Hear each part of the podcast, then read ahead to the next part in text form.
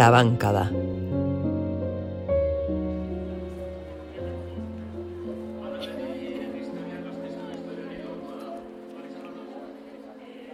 Arratxaldeon entzuleok, ez genuen alagorik espero. Gure podcastaren lehenengo kapitulua viralizatu egin duzue. Nire ametsa egi bihurtzen ari da. Bai, zera. Bai, ez bau nahi. Niri hiltzaien historiak asko gustatzen zaizkit. Lehenengo zita guztietan aitortzen dut hori. Naia, serio? Ligatzerakoan esaten duzu hiltzaiek gustatzen zaizkizula? Boi. Eta zurekin dauden neskek ez dute alde egiten. Ez, literatura hitz egiten diedanean. Orduan bai, alde egiten dutela. Ena barritzen, neska azkarrak dira. Niskizkirren dire. Bueno, a ber, jarriko duzun mesedez propio sortu dugun gure sintonia eta hasiko gara bingoz. Bai.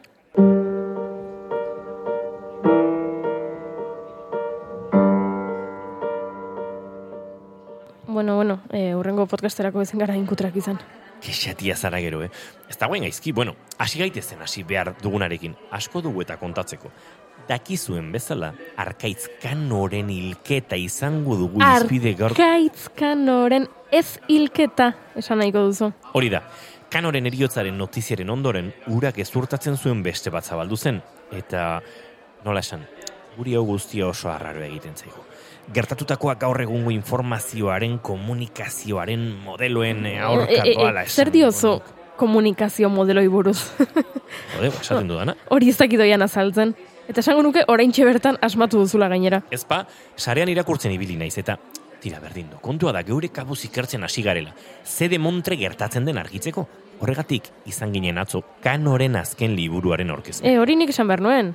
Esan zer? Horregatik izan ginen atzo kanoren azken liburuaren aurkezpenean. Naia jartzen du esaldi horren aurretik. Hemen, ikusten, azkenean niri baino gehiago gustatuko zaizu zuri podcastaren kontu hau. Ba, lehen gabe egin dut. Bueno, jarraituko dugu bestela atzo irabazitako entzule guztia galduko ditugu ezertan hasi aurretik.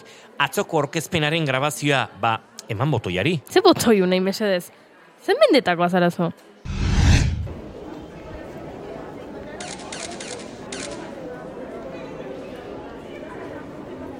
Egunon guztioi eta eskerrik asko aurkezpen honetara etortzeagatik.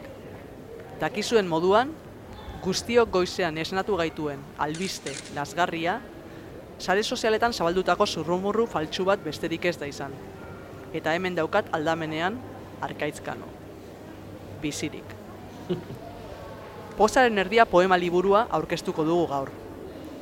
Baina hasi aurretik, ohar pare bat esateko agindu didate hilketa faltsuaren aferaren ondorioz, arkaitzen integritatea arriskuan egon daitekeela iruditu zaio ertzaintzari.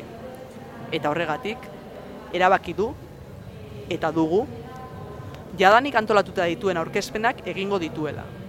Baina ez dela azokan barna ibiliko eta ez dela estanean egongo. Ulertuko duzuelakoan, orain bai, arkaitz, nahi duzunean. E, kaixo, arratsaldeon guztioi. Eta eskerrik asko zea leire eta mila esker e, hilda ez nagoela konfirmatzera etorri zareten hoi. Enuen horrelako harrearik espero. e, barkatuko didazue, baina virusen bat harrapatu duela uste dut eta enago, enago nire onenean. E, azken ordu haue e, zori gaiztokoak izan dira, goizeko albisteak dutxan harrapatu nau eta iz, izosturi gelitu naiz. E, Xoke goeran gidatu dut autoa, durangoraino, argitaletxeko lantaldeari horregatik eskertu nahi diot, ba, em- eman, eman didan babes guztia. Eta markatu, orain, ahotsa gusten badit eh, bederen, aurkezpenari helduko diot. E, pozaren erdia. Mm, Eskerraken hauten akabatuz, e bestela ea, ea nola kristo aurkezten duzuen liburu liburu bat izenburu hau daukana, ezta? Pentsatuko duzen moduan, aurkezpen amaitu eta bere ala saiatu ginen arkaitzekin hitz egiten. Bai, gu eta bertan zeuden beste mordoska bat ere, bai. Eske jendea la hostia da, eh?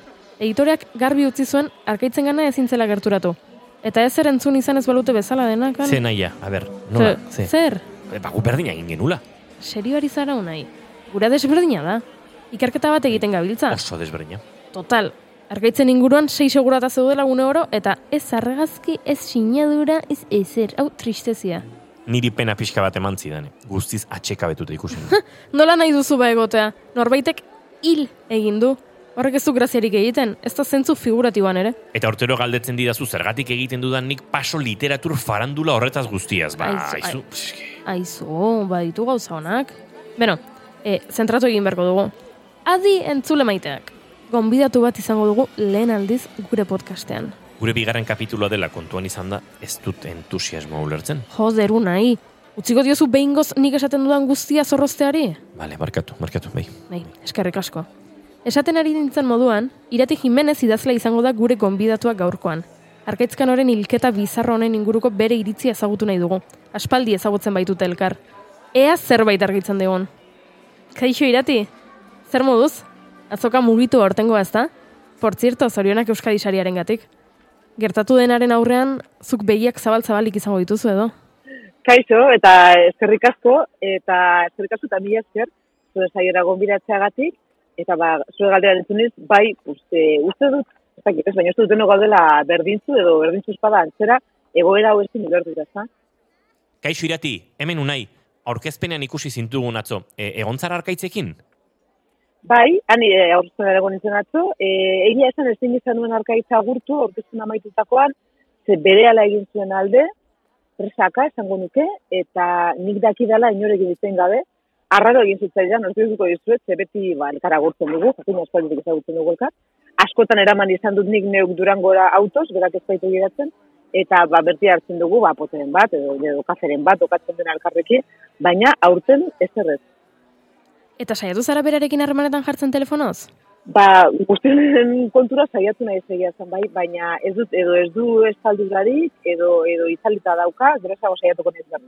Niri iruditzen zait filtrazio egin duenak nahiko boteretsua izan behar duela, ez? Ze komunikabide guztiek eman zuten ez behar horren berri eta oso azkar zabaldu zen albistea sare sozialetan. Neuke esango nuke, e, esatekotan hor dagoela gakoa, ez? Mezu hori nork zabaldu zen, alegia, pentsatzen dut, ertzaintza edo polizia horrenatzen dira bilela, eta pentsatu nahi dut piztaren bat badaukala, alegia non hasi da guztia eta bereziki zer bultzatuta. Eta dena muntaia bat izan bada? Arkaitzek berak e, abiatutako zerbait izan nahi duzu? Adibidez. Ez dut uste, esango dut, ez, ez dator, esango nuke ez datorrela bataren e, manerekin, esango dut, baina auskaloz, egi egia esateko, ez dakit zer pentsatu. Irati, mila esker zure iritzi eta ausarketa gurekin konpartitzeagatik. Zuei, eta azokan ikusiko dugu elkar. Gero arte. Gero arte. Ai, zen maja irati ez da? Boi.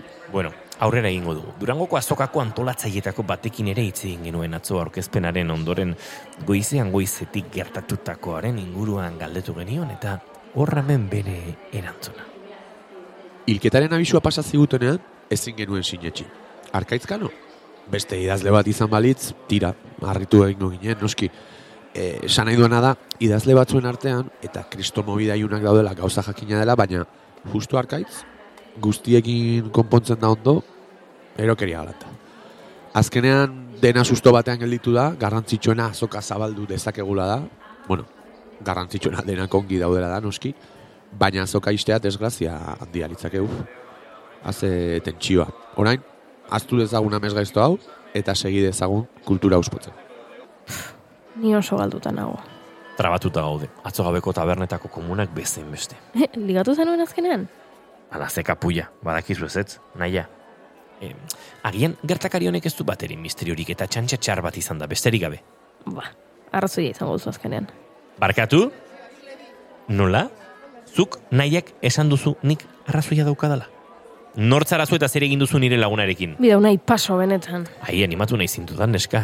Ea, txarrenean jarriko gara. Hor gaudeia. Joder, astuna zara negatibo jartzen zarenean, eh? Doña Angustia, saber, txarrenean esaten dudanean da, ba, ez dakit, eta arkaitzkano benetan hil badute, egin beharko genukena da hipotesi hori aztertu. Baina zertarako. Entrenatu garuna nirekin naia. Hil badute, non dago, eta zer egin dute gorpuarekin. Hiltzaile bat egon behar du, non dago hiltzaile hori? Zer daki poliziak? Nabaritzen da, bai, ez dakizula ezer novela poliziako ez, amatxo maitia. Ez zutela hil! Arkaitz ikusi genuela aurkezpenean, mugitzen, hitz egiten, alegia, bizirik! Ez zaizu gustatzen Fletcher jartzen naizenean, ala? Benetan ari naizu nahi. Ez dakit dudan sentsazioa azaltzen, baina korapio modukoa daukat hemen, nola, barruan. Horregatik jarraitu behar dugu honekin naia.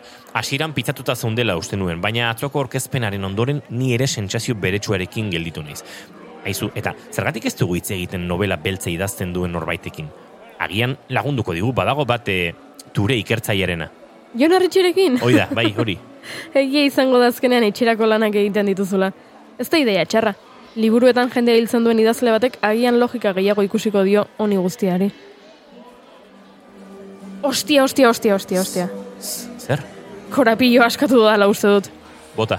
Iratik pista bat eman digu oharkabean. Bale nahi, baina santzazu behingoz. Iratik esan du, arkaitzkano kotxe zeramaten duela batzuetan. Bai eta, agian aurten bakarrik egin nahi zuen bidaia? Joder, hori da? Ai, ez dute zer ulertzen naia. A ber, zer esan zuen arkaitzek aurkezpenean? Virusen bat harrapatu zuela eta E, hori etzegoela bere. ez, bestea. Autoa gidatu zuela durangoraino. Baina zuk esan zenuen, ongi gogoratzen dut esan zenuela, hilda dagoena ezin dela mundu honetara itzuli. Joder unai, eta horrek zer zer ikusi du esan dizuedanarekin. Ea, zure esanak nola interpretatzen du autoarena. Direktamente, e, ez du interpretatzen. Dena nik egin behar dut. Joder naia, ez duzu isilean jarri? Ai, barkatu txiko. Mm, zenbaki ez ezagunetik deikari dira. Zer raroa, hartuko dut. Hartu bai, ja, total, honetzkero galdu dugu audientzia guztia. Bai esan? Arkaizkano hilda dago eta horren frogak ditu. Ze? Baina, nor, nor zara zu? Ordu bete barru beti oporretan hotelean, lareun da zeigela. Ostia. Uf, joder, plot twist hau bai ez nuela espero. Bueno, bueno. Baina, joan egingo gara? Jakina joango garela, no te jode? Grabazioetan eta ordu bete barru egingo diogu berriz. Venga, orain arte.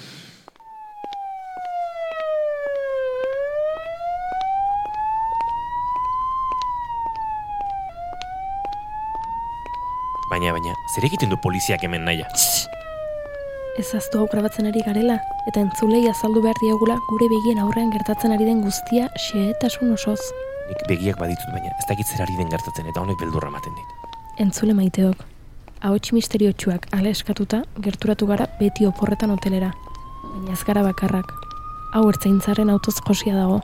Begira, horrek inspektore itxura dauka. Zeren itxura? Joder, detektibaren hau nahi. Uniformerik gabe, ertzain artean, pentsakor, bi, gehi bi, lau. Ba, juistu, kasu honetan, ez dut uste bi gehi bi lau diren. Denak akaztuko duzu, detektibari galdetuko diogu zuzenean zer ari den gertatzen. Aizu, barkatu, inspektorea zara ezta? Zer gertatu da hemen? Eta zu, nor zara? Ni, berriako kazetaria. Zer gertatzen den azalduko zenidake? Joan zaitez temendik, eh? Ez ditut kuskuseroak nahi. Aire. Goazen naia, honekin ez dugu ezer lortuko. Begira, begira, begira. Hor, emakume bat dago. Hoteleko garbitzaile bat dela dirudi. Ziur berak badakiela zerbait. Etorri, etorri. Aber naia, baina ezagutzen duzu? Bai zera. Baina ikusi. Aizu, aizu, aizu, bai, zuzu. E, ez sartu, egon hemen mesedez. Zuk badakizu zer gertatu den hemen, ezta? Ezin dugu ezer kontatu, sentitzen dut. Aio, Eta dirua ematen badizugu hitz egingo duzu gurekin? Jode, naia mesedez eskuetatik joaten ari zaigu guztia, hau, pelikula gehiagik ikusi duzu? zenbat? Hau ez da gertatzen ari. Tx, unai? E, hogeita mar euro. Berroita mar. Bole.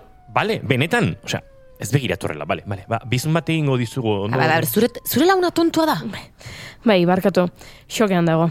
Ez egin kasurik. Aizu, E, tori, orain zure txanda da. Lareunda seigelan hilketa bat gertatu da.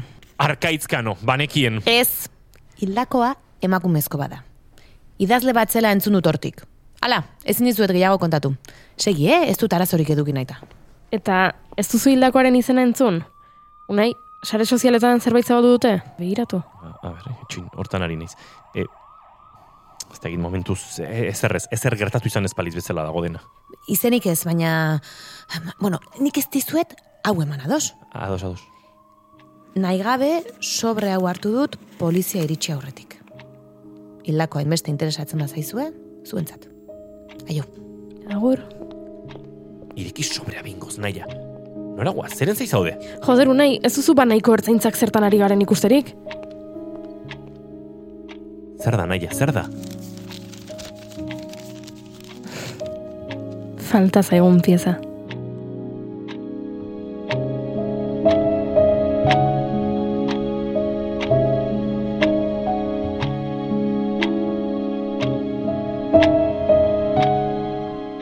Labankada. Korima Filmsek naiz irratiarentzat ekoitzitako podcasta. Gidoia, Nerea Loyola eta Oxu Errazpin. Ekoizpena, soinu diseinua eta edizioa Goiuri Ezeiza eta Inigo Asensio.